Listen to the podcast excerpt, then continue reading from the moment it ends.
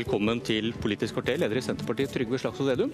Takk for det. Men det er vi som er på besøk, for de som ser på TV. Vi er, står i landsmøtesalen i regntunge Haugesund. Men uh, her forsøker alle om å overbevise oss om at sola den skinner på Senterpartiet. Men så er det jo det at noen kan komme og stille seg i veien. Ja, men altså Det at det er litt regn på våren, det skal det jo være òg. Men det er, det er jo en glede å ha det her på, på landsmøtet. Det er det største landsmøtet i partiets 95-årige historie. Så det kommer til å bli et enormt politisk verksted med 300 delegater fra rundt omkring i hele Norge. Så vi gleder oss skikkelig, og det er stort engasjement og veldig trøkk i partiet om dagen. Og denne gangen skal dere ha fest. Det hadde dere ikke forrige landsmøte, som du kanskje husker? Nei, nå har vi skikkelig Veldig bra musikk på lørdagskvelden. Uh, for det er noe, noe, av det hyggelige med landsmøter er at man diskuterer, fatter vedtak, legger en plan for hvordan man skal vinne neste valg. Uh, men det andre er jo det sosiale, og vi er glad i å danse. Så at, hvis det er noen danseglade i Haugesund, så er Senterpartiets landsmøtefest stedet å være. Men på dette ekstraordinære landsmøtet i fjor så var det kanskje ikke stemning for fest. Da ble du valgt til leder. Kanskje en grunn til å feste. Liv Signe Navarsete gikk av etter en opprivende konflikt. Ola Borten Moe Tvinnerheim ble valgt til nye nestledere, også etter en ganske tøff fight. Ola Borten Moe har svekket Senterpartiets miljøprofil, sa Tvinnereim før dette landsmøtet. Og hva har du gjort for å forebygge nye konflikter i partiet? Vi har gjort det sammen. Det var en, under all mediestormen så var det en stor eh, prosess med 1500-1600 mennesker involvert når vi skulle velge ny ledelse i fjor. Og når vi da fatta vedtaket, så var hele partiet så innstilt på at nå legger vi, oss, legger vi det her bak oss. Nå går vi framover og jobber som et lag. Og Ann Beate Tvinnereim og Ola Borten Moe har gjort en kjempeinnsats med å reise rundt i partiet, motivere, bidra til verving, skape engasjement. Og det har vi klart. Og, og det merker vi også i landsmøtet her nå. at Nå er det et parti som er fullt av sjøltillit, jobber framover og fokuserer på hvordan kan vi fortsatt ha gode nærmiljø rundt i hele landet. Men hvorfor har da disse to nestlederne vært nesten helt borte fra den offentlige debatten? Men de har vært helt til stede i mange kommuner, lokallag, folkemøter. Ikke noe du har gjort for å forebygge konflikter og be dem om å Nei, men Det var strategien vår. Jeg trakk opp en sånn liten kaffekopp jeg, akkurat etter at jeg ble valgt på landsmøtet i Lillestrøm, at nå er tida inne for å bygge parti, få til eh, medlemsvekst, få mange Senterparti-ambassadører rundt i hele landet. Og det, en... og det har vi fått til. Og vi klarte å få året 2014 eh, til å bli året vi snudde medlems nedgang til medlems oppgang. Og det vi ser er at eh, veksten i år er mye sterkere enn den var i fjor. Du overtok uansett et parti som trengte ro og ja, det var helt, Helt, det var helt nødvendig. Altså det, for det er jo slitsomt, sånn som det var i fjor, eh, fjor vår. Og så var det urettferdig for mange av de aktørene som var en del av det. Men så er det det flotte da, med et parti som Senterpartiet, at når vi har tatt et valg, så går vi videre og så jobber vi sammen. Og du overtok et parti som hadde et ambivalent forhold til SV? Altså, vi har hatt et godt samarbeid med SV i regjering. Vi har fått til veldig mye eh, sammen. Vi har et godt samarbeid med Arbeiderpartiet og fått til veldig mye sammen med Arbeiderpartiet. Er det feil å si at dere hadde et ambivalent forhold til SV? Altså, vi, jo, var, vi, var, uenige med SV på en god del ting. Akkurat som de var uenige med oss på en god del ting. Men vi har jo respekt for at det er forskjeller mellom politiske partier. Men hvorfor, men, hvorfor vil du ikke lenger si at et rød-grønt samarbeid er det mest naturlig for dere? For Vi skal ta stilling til det våren 2017. Det er altfor tidlig nå å si akkurat hvordan en eventuell regjering i 2017 skal bli. Men geografisk og sosial fordelingspolitikk gjør at SV og Senterpartiet hører sammen, mente du før. Hva har endra seg? Men Det er jo en hovedsak for oss, geografisk og sosial fordeling. Og det var det som bandt dere tre rød-grønne sammen. Ja, det... Men nå vil du ikke gjenta at det er dere som hører sammen? Men vi har mye fellesskap, i fordelingspolitikken så har eh, Senterpartiet, og SV og Arbeiderpartiet veldig mye fellesskap. Og så har vi vært opptatt av i den perioden vi er i nå, å, å åpne dører. For vi har mye fellesskap også med Kristelig Folkeparti, men også med deler av eh, Venstre. Og de som utfordrer våre verdier mest, det er Frp og Høyre, som ønsker å sentralisere på alle områder og føre en politikk for større forskjeller. og det skal vi sørge for at i 2017 så har ikke de makt mer, og så får vi se hvem vi klarer å få makt sammen med. Du kan fremdeles sitte i regjering med SV?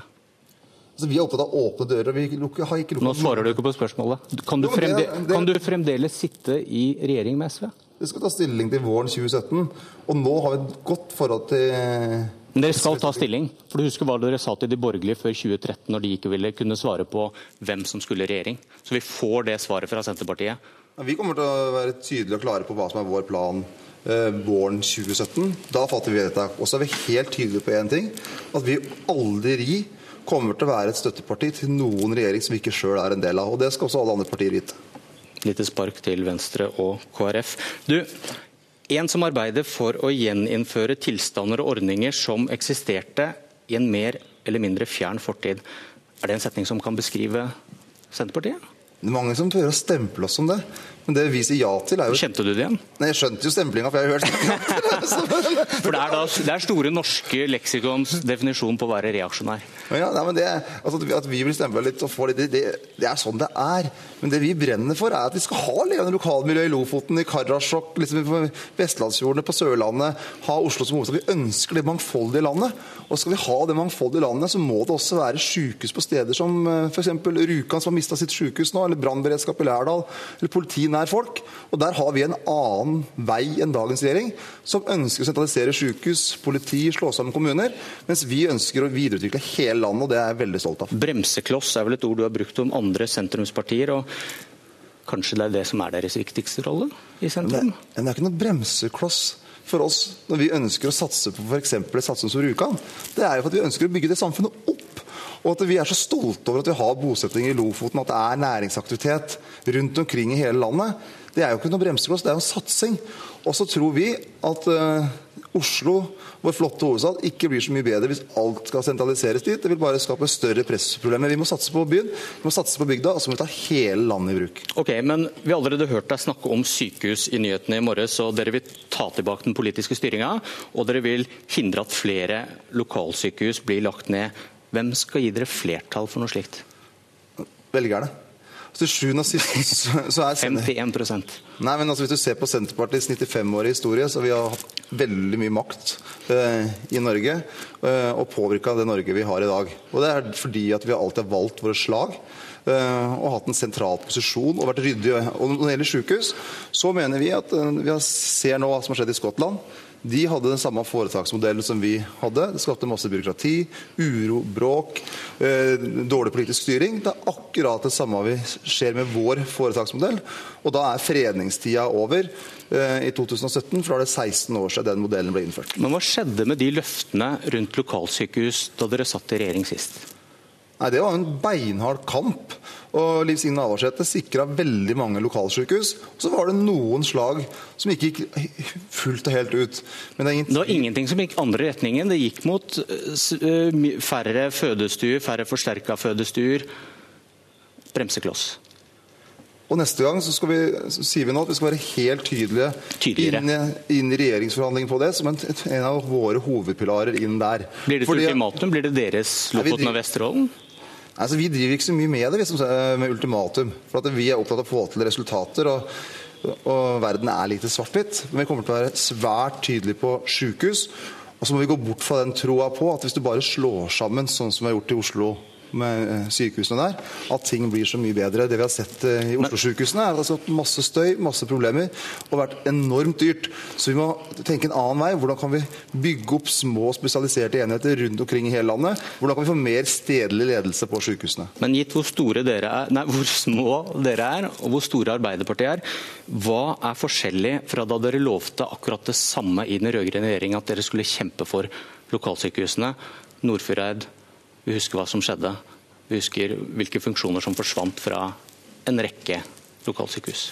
Ja, vi fikk, eh, altså når vi kom inn i regjeringskontorene i 2005, så var jo mange nedleggingsprosesser av lokalsykehus, f.eks. i mitt eget fylke, som ble stoppa med én eneste gang. Så det var en markant forskjell.